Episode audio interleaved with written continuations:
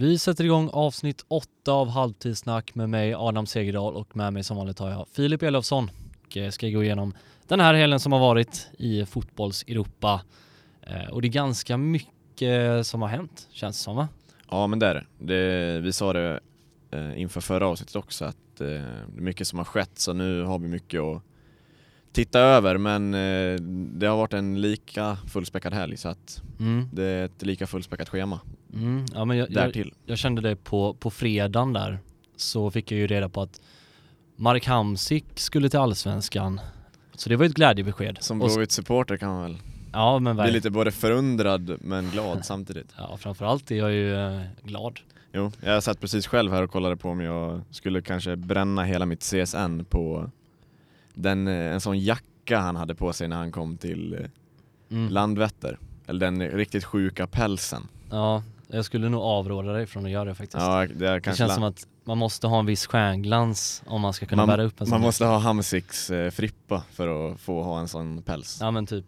Um, och sen då dagen efter, på lördagen så såg jag att Zlatan är, eh, vad det verkar, tillbaka i landslaget. Ja, enligt uppgift i alla fall. Så det har ju bara varit eh, positiva besked efter varandra i princip. Ja, faktiskt. Med det så ska jag sätta igång med ett svep och eh, jag kan ju säga, jag kommer inte få med allting idag. För att eh, nej, nej, men... det, är, det är ganska mycket som har hänt. Så vi, vi sätter igång. Vi börjar på hemmaplan där de sista gruppspelsomgångarna i Svenska Kuppen avgjordes. I Stockholm var det heta derbykänslor där Bayern trots rött kort lyckades vinna mot AIK med 3-2. De regerande mästarna IFK Göteborg fick bara med sig ett kryss efter ett fint mål av Sead Haksabanovic och blev därmed utslagna när slutresultatet visade 1-1. Men trots uttåget ur Svenska Cupen fanns det dock anledning att fira för göteborgarna när Marek Hamsik, den forna Napoli-spelaren, satte sina känsliga passningsfötter på Landvetter flygplats. Vilken transferbomb!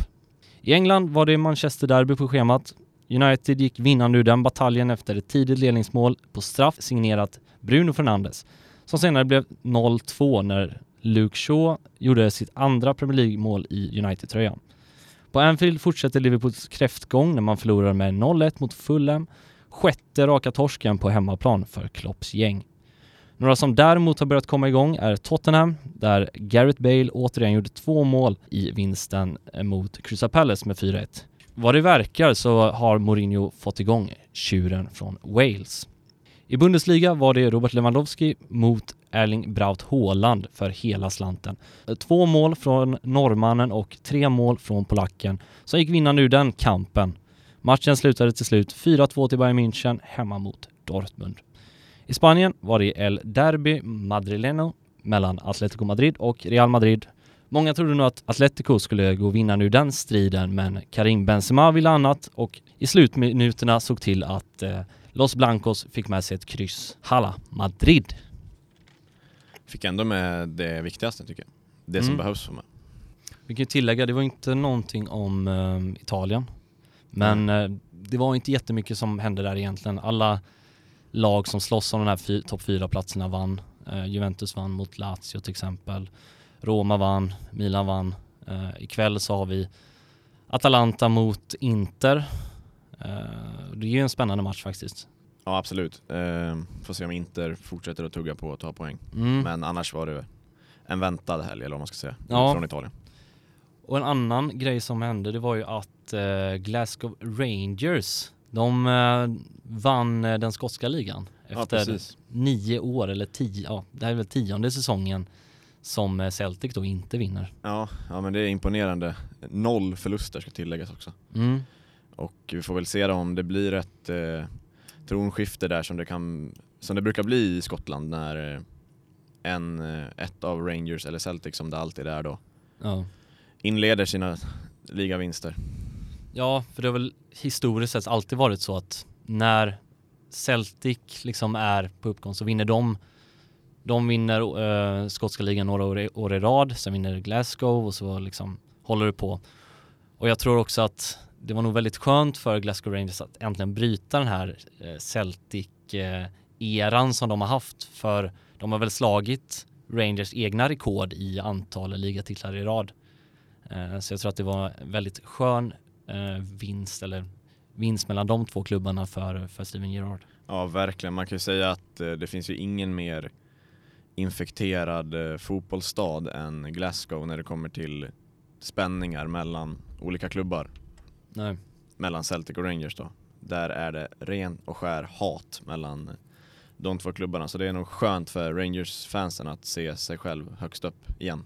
Ja, och man undrar också vad det är för dunderhonung höll jag på att säga som Steven Gerrard har gett till, till sina gubbar. Filip Helander bland annat som, ja, som han också.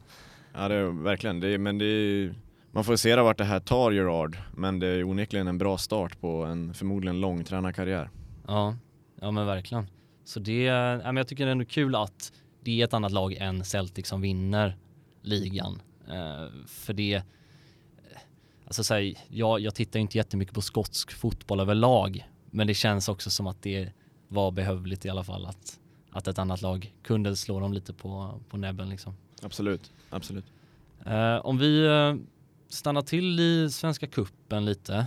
Vi hade ju ett eh, Stockholmsderby som eh, vad jag fattade som, jag såg inte matchen själv, men att det var väldigt eh, heta liksom derbykänslor. Båda lagen ville ju verkligen, ville ju verkligen vinna.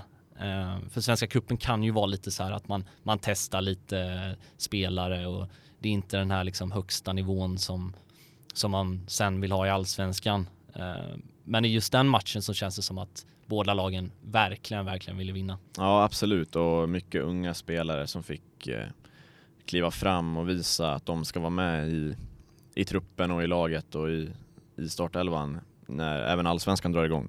Mm riktigt pangmål av Hammarbys 18-åring. Mm. När han smällde upp den i krysset där. Men som du säger också jävligt eh, liksom eh, derbykänsla över matchen. Alltså det smäll, small på och båda lagen klev in för att eh, vinna den här matchen oavsett eh, matchens dignitet eller vad man ska säga. Att det bara är Svenska Kuppen. Men båda lagen var intresserade av att visa vem som bestämmer i det här mötet. Ja, bara den eh, tacklingen eller det röda kortet indikerade ju på att det här är liksom, ja. det här är derby på riktigt för att den, den kapningen alltså. han, um, Rickard Magyar gör är, den är brutal. Ja, den är, det är ett sånt huvudtapp så att uh, det var länge sedan man såg något sånt, alltså för att han, det brinner ju verkligen i ögonen. Han går ju 100% in för att skada.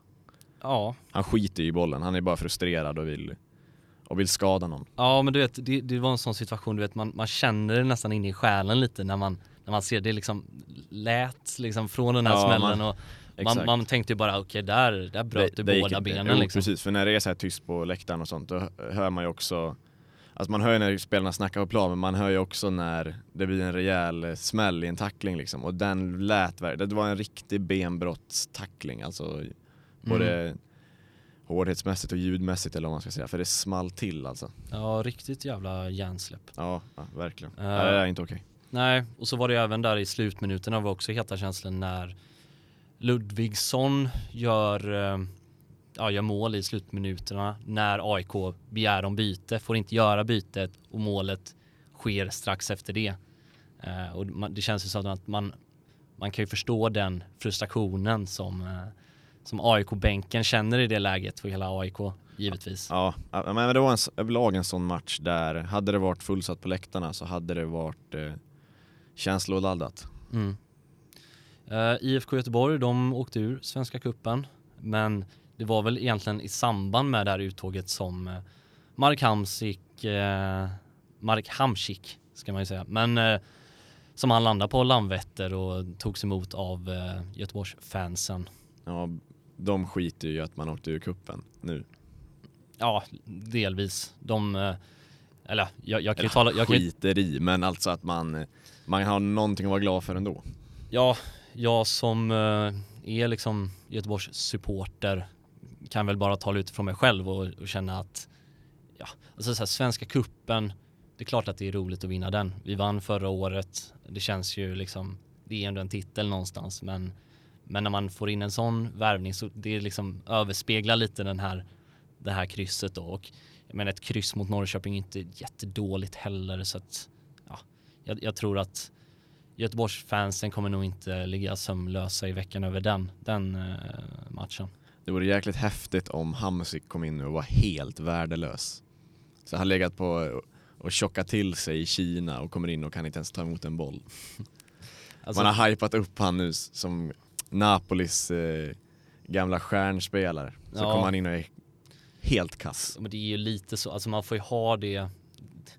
Det är ingenting som säger att han kommer gå in och göra liksom fem mål i varje match liksom. Alltså så här, man får ju hålla det lite rimligt också att han ska, han ska dit, han ska checka av några matcher inför EM och sen ska han dra därifrån i princip. Så att jag, jag vet inte riktigt vad han har för mål själv med den här med det här klubbbytet. Eh, mer än att ja, jag ska komma i lite form helt enkelt. Ja, men hur som helst är det ju sjukt häftigt i alla fall. Mm. Att få in en sån, eh, sån toppklassspelare i allsvenskan liksom. Ja, och man får ju också komma ihåg att det är ingen, det är ingen målskytt heller. Sen att han kanske gör några mål i allsvenskan, det är en sak. För att den är den är ju liksom inte i närheten av den nivå som han har. Eh, men, men det... säga ska ändå att han eh, har faktiskt gjort fler mål för Napoli än Diego Maradona. Det är alltid något. Mm. Jo, men jag vet ändå så här att jag tror att den säsongen, han, han var ju så här Serie A's bästa spelare typ 2017 eller vad det nu var. Och då gjorde han inte ett enda mål, men han gjorde ju assist på assist och liksom han är ju framförallt en passningsspelare trots allt. Men också den här kombinationen av alltså så här Mark Hamsik, Robin Söder. Alltså det, det, det är de två som ska göra det, göra det framåt i princip. De, uh... När man säger det, det är det som är, jag tycker är roligast med den här värvningen, att när man säger att Mark Hamsik ska lira i, i Göteborg med mm. Robin Söder och Bjärsmyr och grabbarna så låt, ja. låter det så jävla gött bara. Ja, och jag tror att de, de tar väl ganska lätt på det själva också. Jag såg Simon Tern till exempel, han gick ut och sa bara att ja, får se om han, får se om han platsar i, i laget och sånt där. Så att det jag tror, att de, jag tror att hela klubben tar väl det med en viss lättsamhet också. Och jag tror inte man ska sätta liksom alldeles för höga förväntningar mer än att så här, det är jävligt kul att en sån spelare kommer till, till allsvenskan. Eh, så får man ta det utifrån det helt enkelt. Eh, I eh, England så hade vi ju ett eh, Manchester-derby. Vad, ja, vad, vad, tycker du om den matchen Filip? Jag hade förväntat mig en betydligt, äh, matchen var väl inte skitbra, men jag hade förväntat mig betydligt sämre match och framförallt sämre från Uniteds sida. Jag tänkte att det skulle bli 0-0 eller möjligtvis 1-0 till City. Och att de bara skulle göra sitt mål i första halvlek och sen låsa ner matchen och kontrollera den som de har gjort hela säsongen. Men United tycker jag riktigt eh, överraskande start där man kliver in direkt och eh, sätter press och får en straff med sig som, som man sätter och får sitt tidiga mål. För man har också sett det att Solskär han gör ju ofta så i toppmatcher när han inte behöver styra, styra matchen och styra spelet. Då ger han över bollen till det andra laget och ligger lågt och ligger på kontring och det är väl så ofta så United det, när de, de är som bäst när de gör så. Jag hade inte förväntat mig att man skulle ta tre poäng på det sättet faktiskt och även om det inte betyder så mycket i längden för ligan så betyder det nog väldigt mycket moraliskt för, för Manchester United. Ja, och det var väl den första vinsten mot en topp 6-klubb eh, den här säsongen. För ofta så är det ju liksom så att de, det blir kryss i de här matcherna och så är det för att United liksom de går ut med inställningen att ja, men vi, vi ska försvara oss eh, och hoppas på en vinst i princip. Och jag, jag tycker någonstans att alltså de, de har väl en viss, det hade de ju mot, i Chelsea-matchen också, att de har en viss intensitet i pressen och liksom de gör ju det faktiskt väldigt bra defensivt. Och de har framförallt Fred McTominay på mittfältet som gör verkligen ett hästjobb i det defensiva. Framförallt i början, alltså tidigt in på matchen att Manchester City var, de var inte riktigt beredda på att United faktiskt skulle pressa så som de gjorde. Och därav så fick de lite chanser i början och fick även med sig den straffen. Och det var väl lite där som, som matchen faktiskt sattes. Det är ändå, det ska sägas, det är imponerande av Solskär att han gång på gång visar den här förmågan att vinna när han måste eller prestera när det behövs liksom. För att eh, hade United gått in i den här matchen och torskat med 3-4-0 då hade det blivit väldigt alltså, kritiska röster från fansen att så här långt ifrån ska man inte vara från Manchester City när man är United liksom. Men nu går man ändå och visar att man slår serieledaren och bryter deras superlånga segersvit och tar med sig tre poäng från Etihad och det får man ändå ge till Stolskär att han det är inte första gången han, han gör så. Att han eh, presterar när han måste. Och eh, jag tycker som du säger att Uniteds försvar, tidigare i matchen har United, hit, oavsett vilka de har mött, så har de alltid hittat ett sätt att släppa in mål. Men nu kändes det så här, alltså även fast City hade mer boll och så och United var urusla i liksom uppspelsfas och sådana saker så har ju i, grund, alltså i slutändan ändå United fler målchanser än vad City har och gör även två mål. Så det tycker jag är, eh, alltså cred till Solskär att han kan eh, prestera på det här sättet när, eh, när det väl gäller. Ja, för det är ju ingen, liksom, det är ingen välspelad match så av United. Alltså taktiskt sett är den ju otroligt bra, men det finns ju mycket som man kan gå tillbaka och titta på i uppspel, uppspelningsfasen och Solskjaer själv hade väl kanske velat ha lite mer boll och så här och inte bara behöva försvara sig och ligga på kontring. Men, men ska man summera det så är det ändå en, en stabil insats ändå för att de släpper inte till så mycket. Och samtidigt då så är det ett City som heller inte är superhungriga på att verkligen ge det här en, en kamp. Och det är klart att alltså så här, alla klubbar har ju sådana matcher ibland där man inte riktigt hittar den här liksom flowet i spelet och inte riktigt hittar de här heta målchanserna. Eh, för det tyckte jag man märkte lite på sitt. Hade det varit en match där det stod om en ligatitel, då hade man kanske då, sett ett annat ett City, city ja, i andra absolut. halvlek. Och jag, tycker, jag tycker också det, alltså det ser man på matchen också att det här, att för City var det bara en match i mängden. Mm. Sett till hur deras, eh, hur deras tabellposition är och deras position överlag i säsongen. Men för United var det verkligen ett Manchester-derby som de skulle gå in och, och vinna. Och jag menar, jag tror att, jag tror inte Pep Guardiola liksom ligger sömnlös över den här förlusten ändå. Så att, Nej, men... Som jag sa, i längden så är det inte så, alltså, det betyder, i längden kommer det inte betyda någonting för City. Men jag hoppas att det ska betyda mer för United. Och samtidigt då, bara för att City har en sämre match så ska det inte ta ifrån United någonting heller. Nej, nej, inte jag. Nej, nej, Några som har det väldigt tufft just nu är ju Liverpool som eh, ligger på en sjunde plats är det nu va? Om inte åttonde plats. Åttonde plats är det. Efter Tottenham vann igår. Ja, och den här, eh, vad ska man säga, den här kräftgången som de har hamnat i nu på hemmaplan framförallt, men också vissa bortamatcher. Alltså så här Fulham liksom. Nej, det ser ju inte bra ut alltså. Alltså både framåt och bakåt. Det är ingenting alltså, som det, funkar. Ingenting funkar. Nej. Och eh, jag tycker också i den här matchen nu mot Fulham eh, att man Klopp ska liksom in och rotera laget, antar jag, inför Champions League. Men man har inte råd med det. Alltså du, han måste, topp fyra är ju på riktigt i fara nu liksom. Han måste satsa på ligan. Mm. För han, inför nästa säsong så måste han kunna ha Champions League-spel att locka med. Och just nu är det på riktigt i fara för jag tror inte Liverpool kommer ha en chans att vinna Champions League i år. Och då är det komma topp fyra som gäller och det är på riktigt i fara nu. Jo, för man får ju lite det intrycket att ja, ja, men vi kan bänka Mané för vi ska spela Europaspel nu i veckan. Och på ett sätt så är det så att det är extremt tufft spelschema just nu så att man måste, man måste rotera. Men det är ju så att Liverpool, de kommer inte vinna Champions League. Men man har inte heller råd att rotera på, alltså på bekostnad av att man förlorar. Absolut inte Liverpool. Så jag, jag förstår ju att de, alltså, de måste rotera så, men heller liksom, de har 2-0 mot Leipzig. Mm. Vila, vila spelare där. Mm. För, i, det, för i ligan måste de börja rada upp vinster nu. Jo, så är det. Men det är, också, det är ju ett väldigt tufft läge för att det, det är också svårt att säga att nej men vi, vi får skita i Champions League. Vi får bara satsa på ligan. Även fast det kanske är det som skulle behövas i år om man ser till deras prestationer.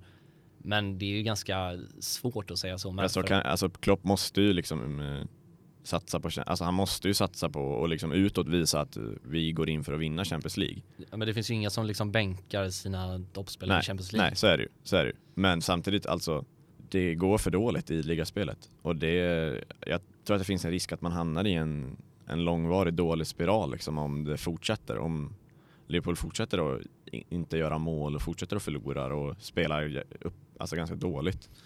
Jag, jag tror att som Liverpools supporter så har man nog rätt till att vara lite orolig just nu för att det var som du var inne på där att säg, säg att man inte tar en topp 4 placering i år, en topp 5 placering, alltså inget Europaspel överhuvudtaget och man kanske vill göra lite värvningar i sommar, liksom få in lite nya spelare och det är inte helt lätt.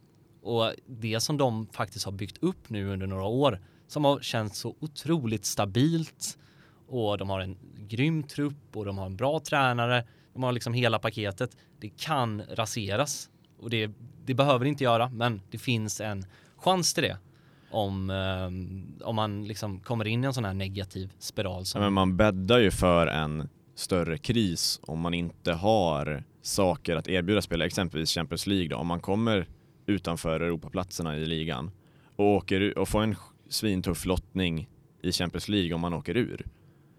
Då finns, då, då liksom risken finns att man hamnar i en alltså en, något dåligt långvarigt om jag säger så. Mm. Att eh, jag tror Klopp absolut, jag tror att han sitter säkert även inför nästa säsong oavsett hur det går. Men det är farligt att hamna i det läget som de är på väg att eh, sätta sig själva i. Mm. Ja, men det är en uh, tuff situation som uh, Klopps uh, gäng har hamnat i och ja, det ska bli liksom spännande att se hur Liverpool tar sig an den här liksom sluttampen på Premier League för att de, de eh, behöver verkligen eh, steppa upp. Spelschemat är ju på deras sida ska sägas. De har ganska gynnsamma matcher att eh, avsluta med. Så att, Ja, några som det i alla fall går bättre för nu är Tottenham. De växlat upp igen. Ja. Jag sa att de hade, Mourinho har fått lite fart på tjuren från Wales. Ja, det, är det som är så gött med Gareth Bale på något sätt är att han kan det känns som att han kan välja att spela bra när han känner för att han, det är dags att börja bry sig.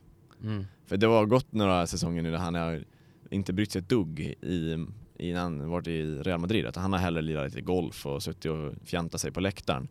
Men nu känns det som att nu vill han någonting igen. Och då börjar han köra på och gör två mål per match liksom. Mm. Och tycker det är kul att spela fotboll. Och då är han riktigt bra alltså.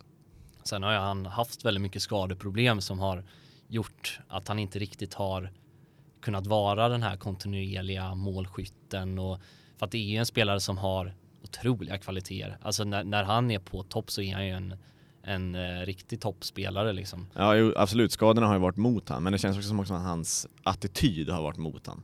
Mm. Att han inte har brytt sig om sin fotboll och att han, han ju, att var... han inte gillade att spela, han, han, trivdes inte i Madrid och då struntade han i allting istället. Och ja. nu känns det som att han trivs igen och tycker det är kul igen och då, då väljer han att växla upp liksom. Han var ju nästan lite mobbad i Real Madrid nästan av, av Zidane eh, som verkligen gjorde allting för att få bort han därifrån. Ja, jo men precis, men också han så här, han, han tyckte inte det var någon idé för han att börja lära sig spanska och sådana här saker. Så då, då skiter han i det liksom. Ja. Och det är klart, då är det svårt att liksom komma in i laget och liksom vinna fansens hjärta och sånt här.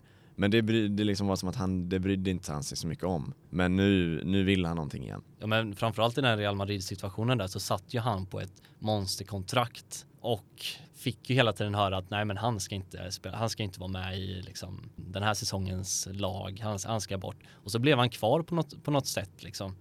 Och har ju inte liksom behövt, han har väl känt det att han inte riktigt behövt anstränga sig. Det är väl lite den här Mesut Özil effekten lite att ja, ja men jag har det ju, alltså så här, jag har det gött ställt. Jag får ju svinmycket pengar och liksom, jag behöver inte göra så himla mycket utan jag har bara tickat på egentligen.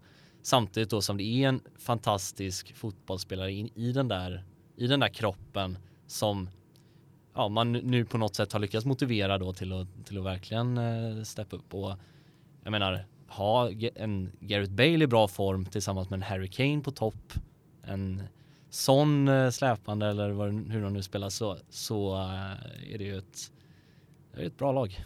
Det känns som att Mourinho också är en perfekt tränare för att hantera sådana spelare som Gareth Bale att han kan eh, liksom ja, men sätta dem på sidan när han känner att äh, men nu är du inte nog bra. Men sen också perfekt timing när det är dags att eh, börja lyfta in dem i laget igen och ge dem självförtroende. Mm. Jag, vet inte, jag har bara den känslan att Mourinho är sen, sen, mannen för att hantera sådana men han, Mourinho känns som att han verkligen är mannen som hanterar så här riktiga vinnarskallar som Zlatan och... Ja men precis, också att göra det på ett bra sätt, att kunna vara ärlig bara nej men nu, nu pallar jag inte med din attityd eller vad du gör längre utan nu, är, nu, kan, nu sätter jag dig på sidan liksom. Som han gjorde med typ Dele Alli när han tog över Tottenham, att han frågade han vad, hur, vad håller du på med? Hur, du är kass nu liksom. Ska du spela så måste du prestera. Mm. Och liksom och ha den här tajmingen och känslan att eh, mm. nu ska du in i laget, nu ska du ut i laget. Samtidigt som, som jag inte kanske vill placera Gareth Bale i det här vinnarskalle-facket. Han känns ju mer bara att han är liksom, han har någon nonchalant attityd. Ja men det är lite det jag menar också med det här att den typen av spelare som är lite, har en speciell aura över sig. För han är ju heller inte den här liksom han har ju inte riktigt den här liksom stjärnattityden heller. Han, det är inte så att han placerar sig så här, ja men jag är ju så här jävla bra eller så här, utan det är ju bara att han, han uh, kör sin grej bara liksom. Ja, och, exakt. Gör lite som han vill. Mm. Vi växlar över till eh, den tyska fotbollen. Eh, det spelades en match mellan eh, Dortmund, Bayern München. Riktigt eh, bra fart i den matchen. Ja, som det brukar vara i tyska toppmöten. Man ser lite på de här tråkiga Premier League-toppmötena som har varit nu. När det blir 0-0 och lagen låser ner matchen, känner på varandra och ingen vill förlora. Sen finns det inga fans på läktaren som liksom injicerar extra energi. Så då bara låter man matchen gå 90 minuter utan mål. Men det är ju motsatsen till vad som händer i Tyskland när topplag ska mötas. Då är det ju snarare att man, man tävlar i om att göra den som gör flest mål snarare än den som släpper in minst. Mm. Och både, både Bayern München och Dortmund är ju lite sådana lag som de vinner ju hellre med 4-2 än 1-0 till exempel. Det, det, har ju liksom varit Bayerns grej hela den här säsongen egentligen att de har ju liksom problem bakåt men de gör ju så pass mycket mål framåt att de vinner ju på det i längden. Och Dortmund har ju varit, de är ju lite samma stuk på ett sätt. Ja men det är ju fart och fläkt och liksom man, eh, man vill gå till anfall och man vill göra mål. Det är inte det här liksom tillbakadragna känna på varandra spelet utan eh, man bara kör. Ja, för jag menar den här matchen var inte klar när när eh, Haaland gjorde sitt 2-0 mål. Nej, nej, nej. Det visste man ju att nu kommer ju Bayern göra 2-3 som svar ganska fort liksom. Ja, men typ. Och just den här matchen i matchen mellan Haaland och Lewandowski var också väldigt kul för att den, den blev ju så tydlig i och med att Haaland gjorde först två och så gör eh, Lewandowski sen eh, tre mål liksom. Ja men det var ju så kul också eftersom att den matchen i matchen hade blivit så uppsnackad på förhand. Och så börjar Haaland med att göra två på tio minuter. Och så är det som att Lewandowski bara, ja men gjorde han två, fan då lär jag gör tre liksom. Och mm. gör det också. Och det är imponerande på något sätt. Man tittar på de här två spelarna, båda två liksom urtypen av en nummer nio spelare och hur de bara smäller in bollar och aldrig slutar göra det. De hamnar inte i några svackor liksom, utan gör, man vet att de gör mål om det blir lägen och man vet att de finns där framme och tar rätt ytor. Och, är det är imponerande att se sådana världsklass strikers liksom. Mm. Och man slutar aldrig förundras över eh, Håland och hans eh, frammarsch här. Men jag skulle ändå vilja säga det att eh, Lewandowski, alltså vilken spelare han är. Ja, Alltså där Håland fortfarande är liksom ung och har mycket att lära så är ju Lewandowski alltså minst sagt komplett. Mm. Han har en fin teknik, helt otrolig avslutsmoment och också har en liksom bra förmåga att så här, linka upp anfallen och kombinera fram andra spelare och ge sig själv, alltså öppna anfall för att ge sig själv bra lägen. Och det tycker jag är imponerande av den spelaren som, om man belyser det lite för lite med han, att, han bara är, att man tänker att bara han ska vara den här boxnian. Men han är ju nyttig på många sätt alltså.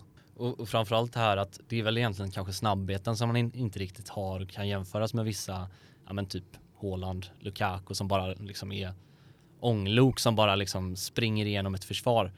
Men hans, han är ju liksom, han är ju så här, han har ju jäkla bra speluppfattning, han har otrolig teknik, otroligt klinisk och har varit det i över ett decennium i princip. Alltså så här, han är ju målgaranti varje säsong liksom. Men hur många gånger har han vunnit uh, skytteligan i Bundesliga? Det är liksom fyra, fyra gånger, fyra, fem gånger eller något sånt där. Och vunnit ligan varenda år sen, sen han vann med typ Dortmund och bytte uh, senare då till Bayern München. Så att, är det en uh, fantastisk spelare som uh, kanske borde hyllas mer ibland. När Faktiskt. Man, när man han... pratar om de allra bästa. Det känns som att han hamnar lite under radarn eller vad man ska säga. Ja. han, är, alltså, han är en av, ja, han är ju överlägset världens bästa anfallare just nu. Annat ja, kan man inte säga. Nej, han är ju i princip världens bästa spelare ja. också. Dessutom så har han gjort nu, vad är det, 32 mål, 31 i eh, Bundesliga. Ja, men runt 30 som Ja, men det, är, det är över 30 nu i alla fall och han håller ju på att tangera Gerd Müllers så här ointagliga rekord på 42 mål på en eh, säsong och bara det är ju helt otroligt. En annan målskytt som vi kanske bör nämna innan vi avslutar är ju Zlatan Ibrahimovic som, som verkar vara tillbaka i landslaget. Ja, om man ska tro på de här uppgifterna som kommit, vilket man nästan ska göra. För att det känns som att man går inte ut med en sån eh, nyhetsbomb om inte det stämmer. Nej, men det var väl någon, den tidningen som breakade här, det var väl det var väl inte den mest eh, käll... Eh, liksom, inget man har hört i alla fall. Fotboll Direkt heter den ju. Men ja. eh, jag, jag vet inte, men det känns ju som att eftersom att alla andra och nyhetsmedier också hoppade på den här nyheten ja. och men liksom tog, antog att den var tillförlitlig så känns det ju som att den är det, liksom att det är på riktigt.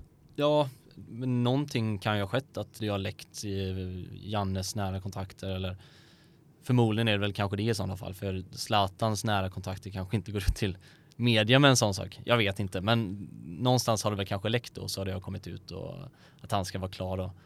Vi får ju i alla fall svar nu 16 mars när EM-truppen tar sig ut om han är med eller inte. Men känslan är ju att det ska vara klart. Vi får väl se framöver nu hur det blir som du säger. Eh, men eh, om det är så att det är klart så är det ju en otroligt fin nyhet att få inför en EM-sommar. Ja, en otrolig tillgång till, eh, till laget. Ja, men det känns som att det, om det stämmer så är det, kan bra saker hända. Ja, ja men tänk han och Alexander Isak på topp. Som, och en Alexander Isak som är, nu är han inte mål senast men han med stekhet också. Liksom. Han är stekhet. Ja. Och det var ju mycket, han hade ju otroligt mycket chanser i Sociedad-matchen nu i, i helgen. Eh, som han då brände, men det kan ju hända alla. Det jag försöker säga är bara att eh, han, han ser ju otroligt bra ut. Och bredvid en Zlatan så, så kan det här bli hur bra som helst i sommar. Med det så eh, stänger vi butiken för den här veckan. Vi eh, tackar för att ni har lyssnat. Så önskar vi en trevlig fortsatt vecka. Ha det bra! Vi ses!